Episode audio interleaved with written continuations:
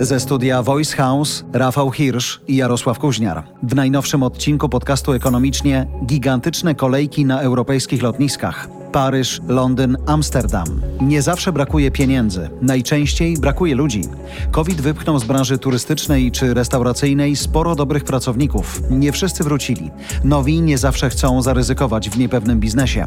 Do tego sezon i mamy potężny chaos. Co z niego wyniknie? Czego się branże nauczą? Co zobaczymy, kiedy kurz opadnie? Zapraszam do audycji i do dyskusji.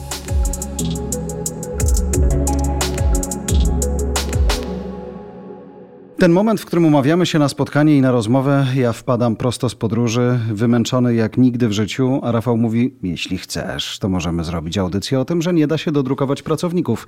W portach lotniczych w Amsterdamie, w Paryżu i podobno w Wielkiej Brytanii burdel jest, nie chcę używać innego słowa, bo to jest rzeczywiście co najmniej burdel, taki, że nikt, kto tego nie przeszedł, nie jest w stanie sobie tego wyczytać i wyobrazić. Także tobie zazdroszczę podróży Pendolino, bo zakładam, że tam kolejek nie ma. A ja nie jechałem Pendolino. Myślałem, że z Pomorza to tak. Nie, samochodem jechałem. jechałem samochodem. Żeby się uniezależnić od ewentualnych kolejek albo kasłania tak, innych nie, podróżników? Wiesz to tak zupełnie serio. W ogóle nie zastanawiam się tego sezonu nad pociągami, bo czytałem, nie próbowałem, ale czytałem parę artykułów, że podobno jakieś jest kompletne szaleństwo, jeśli chodzi Jest, o pociągi. jest, jest, jest. bardzo duży popyt. No to nie jest taka sama sytuacja jak na lotniskach, ale też jest ciężko i w związku z tym tych opóźnień też jest więcej niż zwykle. Chociaż mam wrażenie, że jak ktoś żyje w Polsce kilkadziesiąt lat, to już raczej dziwi się wtedy, kiedy nie ma opóźnień na kolei niż wtedy, kiedy są. Natomiast O. przez parę tam ostatnich lat można było liczyć na to, że jednak ich nie będzie, a teraz chyba są znowu większe. W Polsce te opóźnienia wynikały zwykle z pogody, prawda? Albo było za zimno, albo było za gorąco, tory się wyginały, albo pękały, cokolwiek innego się działo. Dzisiaj jak popatrzymy sobie Albo właśnie... jakiś strajk Na ewentualnie, przykład, nie? tak. To też w Polsce modne. Patrząc na Amsterdam, z którego mam doświadczenie, to... Wróciłeś stamtąd. Próbowałem stamtąd wy, wylecieć zdecydowanie. Oni wprost mówią, słuchaj, przyjdź na lotnisko wcześniej, nie wcześniej niż 4 godziny przed odlotem, niezależnie od tego, czy to lot transkontynentalny, czy lot europejski, bo cię nie wpuścimy. Natomiast śmiało te 4 godziny spędzisz w kolejce do odpowiedniego miejsca. Tak Ale żeby... coś, dlaczego? Oni wprost mówią, słuchajcie, mamy, jeśli chodzi o pracowników, kłopot. Nie ma kto pracować. Nie ma kto się tobą zaopiekować, więc jest ich mniej. Czyli, a nie można jest- wyjść na lotnisko, jak tam nie ma pracowników, tak? Bo to jest takie Jest ich za mało, po prostu. specjalne miejsce z Tak, bramkami, tak? Ja myślałem, że chodzi oczywiście o to, że tak, przyszła pandemia, szlak trafił branżę turystyczną, wiele osób uciekło w inne branże i już nie wróciło do tych miejsc, w których byli do tej pory. Restauracje, hotele czy właśnie linie lotnicze i wygląda na to, że tak się właśnie dzieje. Teraz poza tym samoloty są tak strasznie poopóźniane, że ten burdel narasta, narasta i narasta i oni mówią wprost, przepraszamy, ale nie ma kto robić, więc proszę do tej kolejki. I byłem jednym z tych pewnie wielu milionów podróżników, którzy czytali, że jest bałagan. Ale do momentu, jak nie staniesz w tej kolejce i nie zrobisz tych 3 kilometrów przez te 3,40, to będziesz myślał, że przesadzają, albo będziesz myślał, że to nie boli tak, jak boli. Dość fascynujące i ciekawe. Zwłaszcza, że ja też mam za sobą niedawno lot samolotem do Stanów Zjednoczonych i z powrotem mnie to kompletnie ominęło. Też mnie to zastanawia, dlaczego w Europie jest taki problem. Znaczy w Stanach podobno też jest, ale nie aż taki, tak? I ja też przybyłem na wszelki wypadek na lotnisko JF Kennedy'ego w Nowym Jorku wcześniej i właściwie przeszedłem przez te bramki w 20 minut. Tam się nic nie działo, absolutnie. Szczęściarz. W tym terminalu, w którym są samoloty lotu, to tam jest niewiele innych linii lotniczych, więc nie ma takiego dużego tłoku i potem sobie właściwie siedziałem na fotelu przez trzy godziny. Ale zobacz, problem z pracownikami dotyka dzisiaj linii lotniczych, ale jak posłuchasz różnych branż, to wszyscy mówią to samo. Mimo, że nadciąga kryzys, nadciąga spowolnienie, inflacja jest taka, jaka jest i tysiące innych problemów, o których mówiliśmy w ekonomicznie i pewnie jeszcze powiemy, ale ten moment, w którym rzeczywiście brakuje rąk do pracy i stopa bezrobocia wcale nie rośnie, jest potężny. Tak, to jest bardzo dziwna sytuacja i właściwie chyba pierwszy raz mamy z taką sytuacją do czynienia, bo z jednej strony jest bardzo dużo prognoz, przestróg, że tak właściwie idziemy w recesję albo wręcz w stagflację, prawda? Czyli recesję powiązaną z cały czas wysoką inflacją, bo inflacja przecież jest ciągle bardzo duża, ale z drugiej strony są tacy ekonomiści, którzy mówią, ale w ogóle jaka recesja, jak jest 3% stopy bezrobocia i brakuje rąk do pracy? Recesja jest wtedy, jak ludzie nie mają pracy, tak? Jak szukają pracy, nie mogą znaleźć, tak jak było w Polsce 20 lat temu, na przykład mieliśmy 20% bezrobocia. To tak? o co chodzi?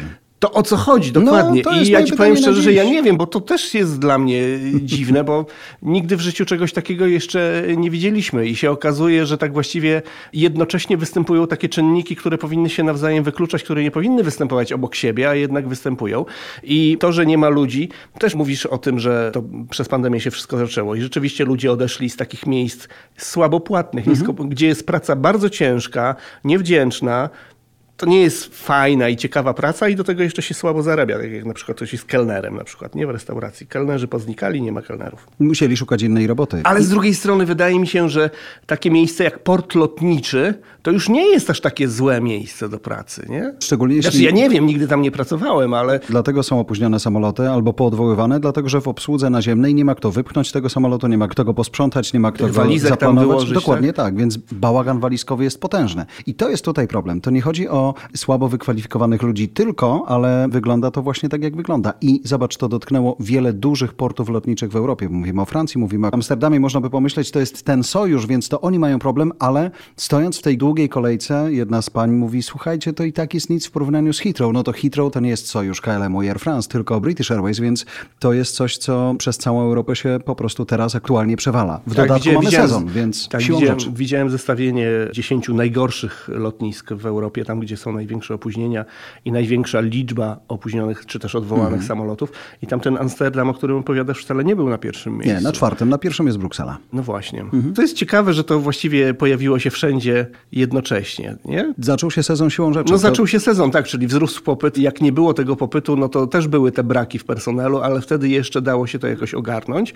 Dało się jakoś tam złapać prawą ręką za lewe ucho, a potem przyszli turyści, ludzie chcą wyjeżdżać na wakacje i się okazuje, że nie da rady, że przepustowość się po prostu zmniejszyła, tak? Czyli została ograniczona podaż usług, co jest ciekawe samo w sobie, bo wydawać by się mogło, że te wszystkie zakłócenia logistyczno-podażowe, o których mówiliśmy wielokrotnie, że one były przyczyną zapaści gospodarczej i też przyczyną inflacji, bo jak czegoś jest mniej, to to drożeje, prawda? W czasie pandemii, to te wszystkie zakłócenia dotyczyły raczej dóbr, towarów, prawda? Tego, co się przewozi statkami. A tu się okazuje, że dokładnie to samo może dotyczyć też usług, czyli takiej rzeczy, która by się wydawało, że tutaj trudno sobie wyobrazić taką sytuację, że podaż usługi jakiejś zaniknie, nie? A się okazuje, że zanika. I teraz jedyny sposób, że. Znaczy właściwie są dwa sposoby. Jeden sposób jest taki, żeby to zautomatyzować, wstawić tam roboty, ale nie wiem, czy tak można. I nawet jeśli można, to jak dużo to kosztuje. Nikt do tej pory nawet nie próbował tego robić w przypadku portów lotniczych, tak? Gdyby to było takie rozwiązanie na wyciągnięcie ręki do zastanowienia się, to pewnie ktoś już by próbował. Powiem nie? ci, że patrząc na tę kolejkę, myślę, że prędzej czy później ktoś. W ogóle w całej kolejce rozmawialiśmy o tym, że oni powinni skapitulować. Powinni powiedzieć, słuchajcie, nie dajemy rady, albo naprawdę wyraźnie ograniczyć liczbę samolotów, żeby tak to nie wyglądało, bo to jest 3 godziny 40, stoisz w tłumie, chorzy, starzy, rodzice z dziećmi, które płaczą, są głodne, masz jedną toaletę, butelkę z wodą i co? I wafelki z miodem po środku, żeby się uśmiechnął. Idziesz jak tuman jeden za drugim i jak nie złamiesz systemu, to nie zdążysz na czas. Żeby powiedzieli wprost, to jest nasz limit. Więcej nie możemy, żebyś czuł się komfortowo, żebyśmy nie musieli cię sponiewierać, żebyśmy nie musieli cię upokarzać. Nie przyjmiemy więcej, ale oni tego nie robią. No ale to będzie, to, no bo to byłby duży skandal No. na cały kraj. Pewnie też z konsekwencjami jakimiś tam politycznymi, bo politycy na pewno by w to weszli, bo lubią takie Jasne. rzeczy. Tak? Myślę, że z konsekwencjami że, no co, dla że przychodzą wakacje, ludzie są zmęczeni, chcą wyjechać na wakacje, zarezerwowali sobie te wakacje pół roku temu, mają bilety kupione od dawna, tak?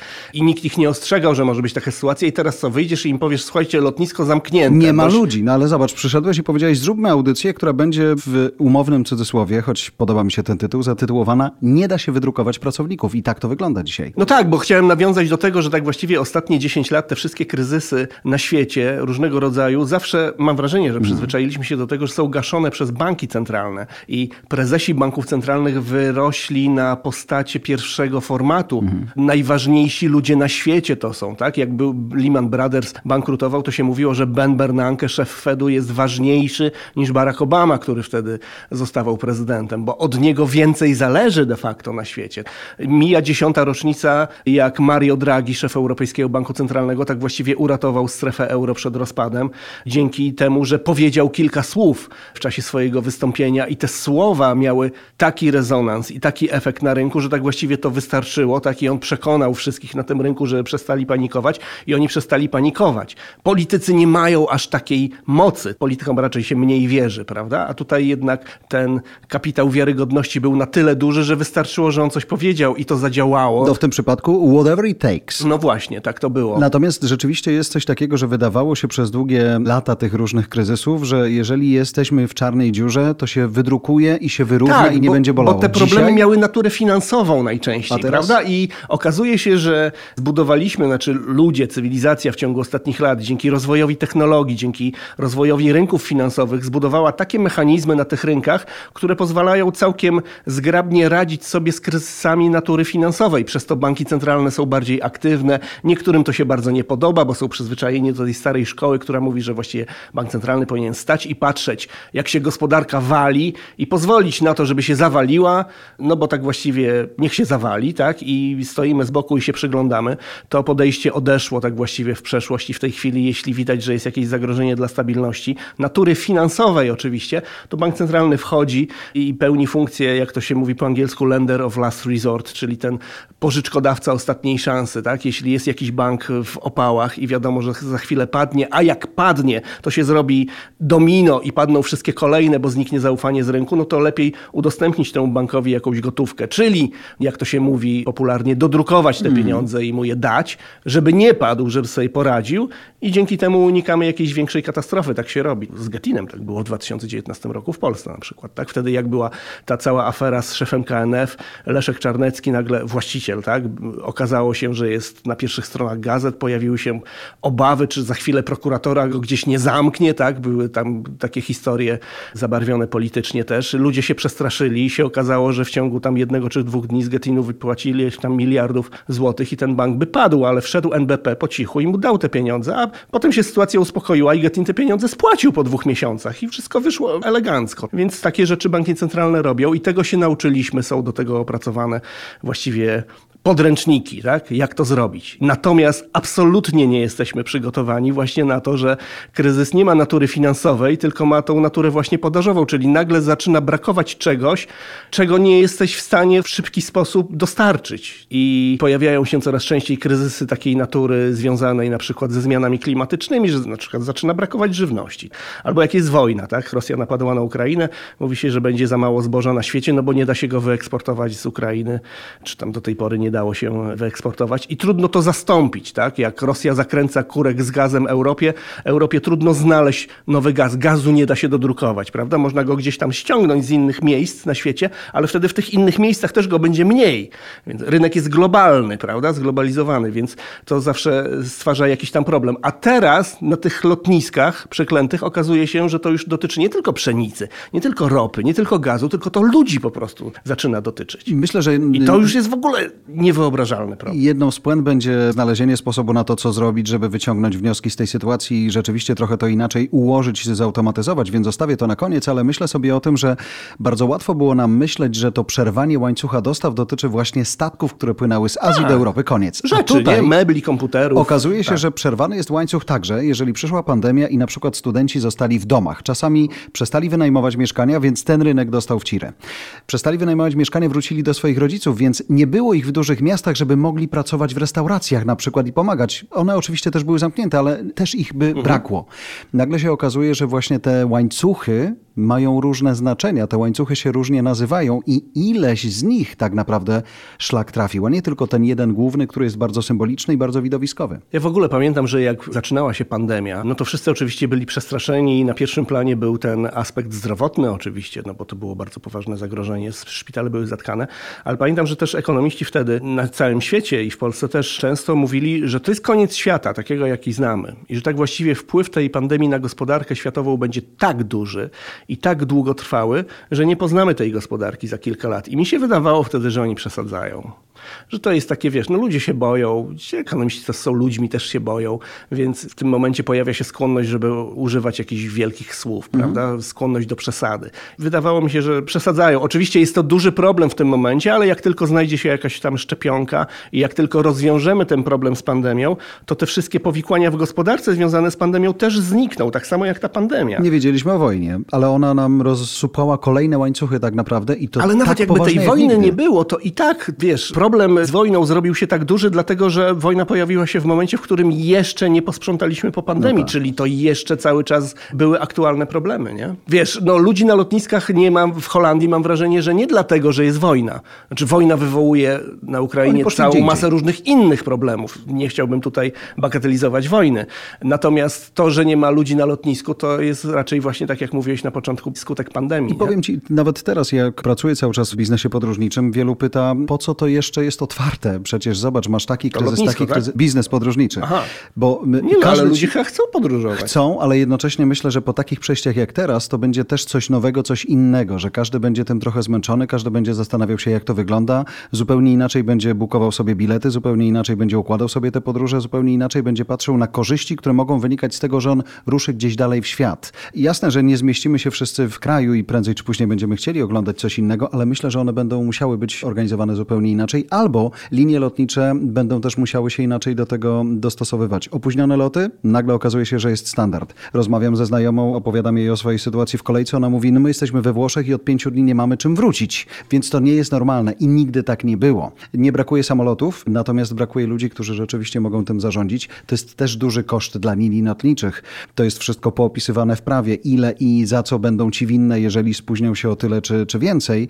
To też nie są małe pieniądze przy tej skali, więc myślę, że to przerwanie będzie bardzo, bardzo, bardzo bolesne. Ale z drugiej strony, chodząc po Amsterdamie, widzę McDonalda, naklejka We are hiring. No i jest rozpisany wiek, czyli jak masz 15 lat, zarobisz tyle za godzinę, jak masz tam więcej, o. więcej i 11 euro 50 zarobisz, jak masz 21 lat i damy ci 50% jeszcze więcej, jak będziesz pracował na night shifts. Później kolejny sklep odzieżowy zatrudniamy, kolejny sklep z pamiątkami zatrudniamy. Wszędzie ogłoszenia o pracę. A skoro wiszą tak długo, podejrzewam, że nie ma chętnych do tego, żeby biegli tam i stawali w kolejce, bo znów sklep z pamiątkami działa lub nie działa, zależnie od tego, czy kolejna fala pandemii pandemii na przykład znów zamknie tę branżę. Mhm. Nie masz tej pewności, więc nie idziesz do niej. Jeżeli na początku pandemii znalazłeś coś innego, co dawało ci chleb, no to nie będziesz ryzykował. Jeśli to jest oczywiście mniej ryzykowne. Tak samo z restauracjami. Dzisiaj są otwarte, pełne i ludzi mnóstwo, ale znów pamiętamy, że są to te biznesy, które mogą być narażone na to, że w każdej chwili albo będzie ograniczenie liczby ludzi, albo być może będą zamknięte. Tak, chociaż wiadomo, że gospodarka rynkowa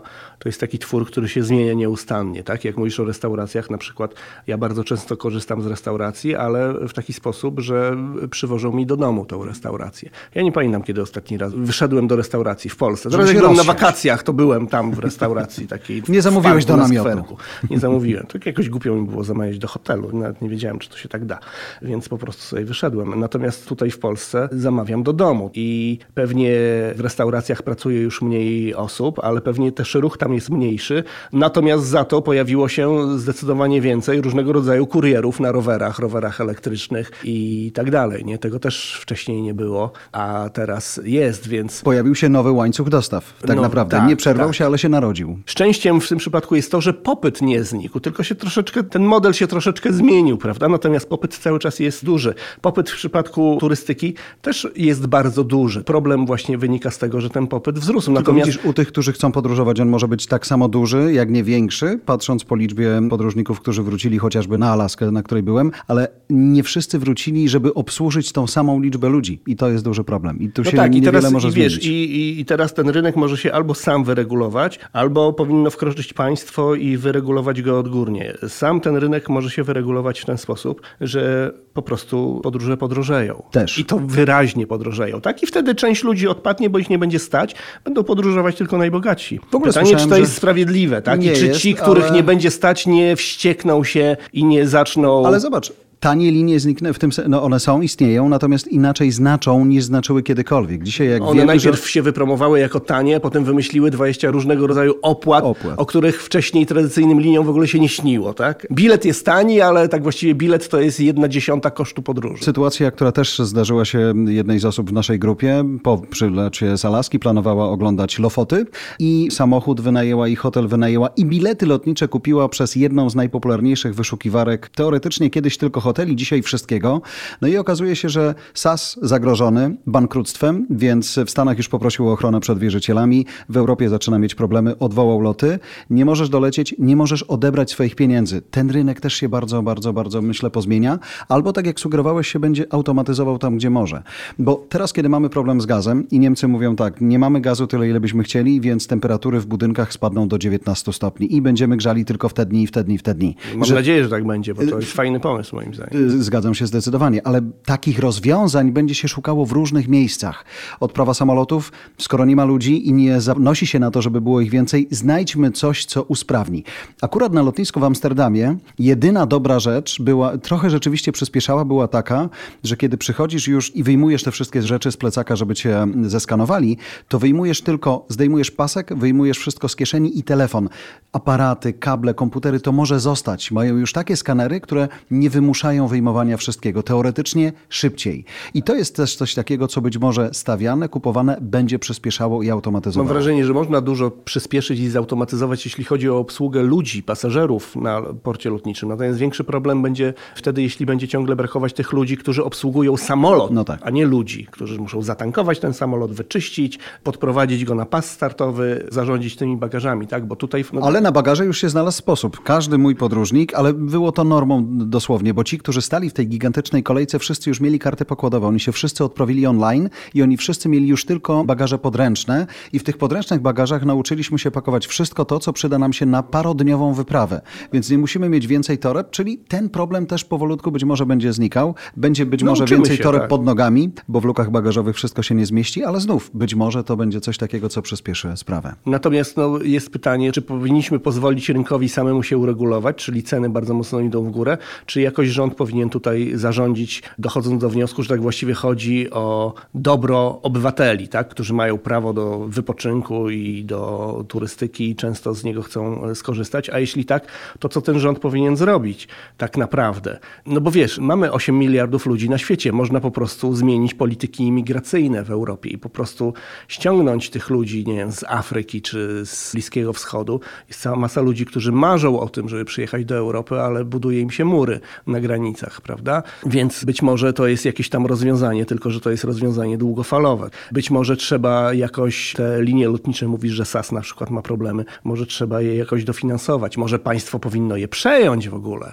We Francji y, państwo przejmuje właściciele elektrowni atomowych, na przykład są nacjonalizacje w energetyce. Może w, jeśli chodzi o turystykę, tą zorganizowaną, tą największą. Wychodząc z założenia, że państwo zrobi to lepiej, bo jeżeli potraktujemy państwo jako bankomat, to być może taka płynność przyda się państwowa, natomiast nie wiem, czy są No, ale jesteśmy w takiej sytuacji, Patrząc że- po locie, ja nie mam doświadczenia, czy by tam byli specjaliści, którzy umieją w linie lotnicze. No ale mamy taką sytuację, że tak właściwie nie ma alternatywy, tak? No państwo pewnie nie potrafi i pewnie nie zrobi tego optymalnie, ale właściciel prywatny w ogóle tego nie zrobi, bo już jest pod ścianą, Hmm. tak? W tym momencie i właściwie już nie myśli o rozwoju w tym momencie, tylko myśli w ogóle jak przeżyć i jak tylko będzie miał okazję, to może w ogóle ucieknie z tego biznesu. Choć wyszliśmy od linii lotniczych, bo akurat czas jest wakacyjny, ale rzeczywiście dotyka to różnych branż, które będą się z tym mierzyły i tych rąk do pracy niezależnie od wszystkiego będzie brakowało i to, na co zwróciłeś uwagę. Sytuacja jest tak kuriozalna i tak nowa, że bardzo trudno ją opisać. Jeśli słyszymy z jednej strony recesja, stagflacja, ale bezrobocie nie rośnie,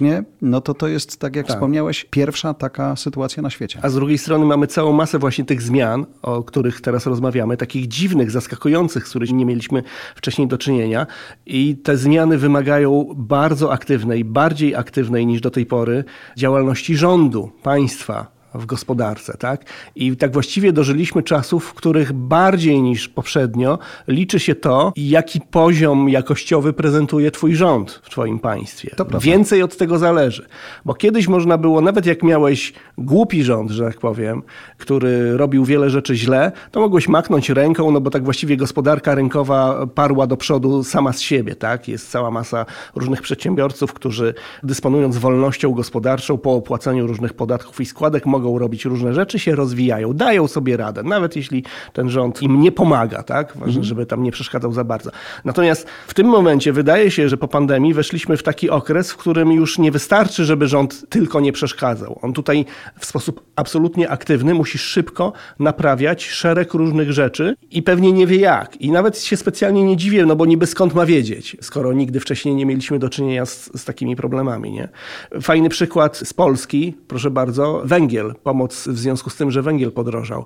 Mieliśmy w lipcu historię, nie wiem czy ją widziałeś czy nie, bo byłeś Ja, za ja granicą. tylko usłyszałem premiera, że firmy rozesłały wici, ja jestem Ale spokojny. nie, słuchaj, tam już pomijam to, co ten premier gada. Chodzi o to, że najpierw rząd wymyślił, że ustali cenę maksymalną węgla żeby ta cena nie drożała dla odbiorców końcowych i wymyślił jeden pomysł, uchwalił ustawę, tak jak to ten rząd ma w zwyczaju, tam trzy dni mu to zajęło, pach, pach, pach, zrobione i tak właściwie ta ustawa jeszcze nie zdążyła wejść w życie, prezydent dopiero ją podpisywał i nagle rząd stwierdził, że tak właściwie to mamy lepszy pomysł, inny. Nie będziemy ustalać maksymalnej ceny węgla, tylko damy dopłaty ludziom. Czyli właściwie panaceum na ten sam problem, ale od drugiego końca troszeczkę. Ale tak? wpływające na inflację swoją drogą. No tak, no bo to jest kolejny Dają pomysł. kasę. Znowu dają kasę. Znowu rozdawanie pieniędzy, tak. Natomiast z drugiej strony cel taki, żeby ludzi, którzy no, niestety Mhm. palą tym węglem, było stać na ten węgiel, żeby nie zamarzli w zimie, jest jakby słuszny. W tym sensie tak. W tym sensie tak. W każdym razie chodzi mi o to, że wiesz, że ten rząd się miota i nie chcę tutaj w tym, akurat w tym przypadku nie chcę specjalnie krytykować tego rządu, bo wiele innych rządów robi dokładnie tak samo, że tutaj jest jeden pomysł, zrobimy limit cenowy, albo nie, to zrobimy dopłaty, tak? I teraz uchwalają te dopłaty i tak właściwie są dwa pomysły jednocześnie i mówią, że ten pierwszy to oni zaraz skasują ten pomysł i go nie będzie i będzie ten drugi, wiesz. I widać, że to jest improwizacja po prostu, tak? To jest improwizacja na żywo Ale ty zobacz, to, to i tak właściwie widać... jedziemy nie wiadomo w którym kierunku. Tak samo na lotniskach, że wrócę do nich. Może można było zapanować nad tym. Może widziałeś, że masz wakaty i że jesteś w stanie wyestymować sobie, ile samolotów odprawisz, ile ludzi będzie w tych samolotach, jak to wyglądało do tej pory i ile będziesz potrzebował rąk do pracy, żeby te samoloty poleciały w cholerę dalej. Jeżeli nie zapanowałeś nad tym, no to też właściwie masz improwizację. I tak jak mówił Rafał na początku, nie da się dodrukować pracowników. Mam nadzieję, że prowadzących też. Bardzo dziękujemy za to spotkanie. Lećcie ostrożnie i wracajcie równie bezpiecznie. Dziękujemy za Twoją uwagę. Ale zanim się rozłączysz albo posłuchasz kolejnego odcinka, mam prośbę. Spotify pozwala teraz na ocenę podcastów. Jedna, dwie, trzy, cztery albo pięć gwiazdek. Bądźcie z nami szczerzy. Dziękuję. Jeżeli jeszcze nie subskrybujesz naszej audycji, zrób to na Apple Podcast czy Spotify. Nie przegapisz najnowszego odcinka i pomożesz nam się wspinać na listach podcastowych przebojów. Zasubskrybuj także inne podcasty od Voice House. Znajdziesz je na każdej platformie podcastowej, w każdym kanale social mediowym. Zapraszam też na stronę Voice House po więcej dobrej treści.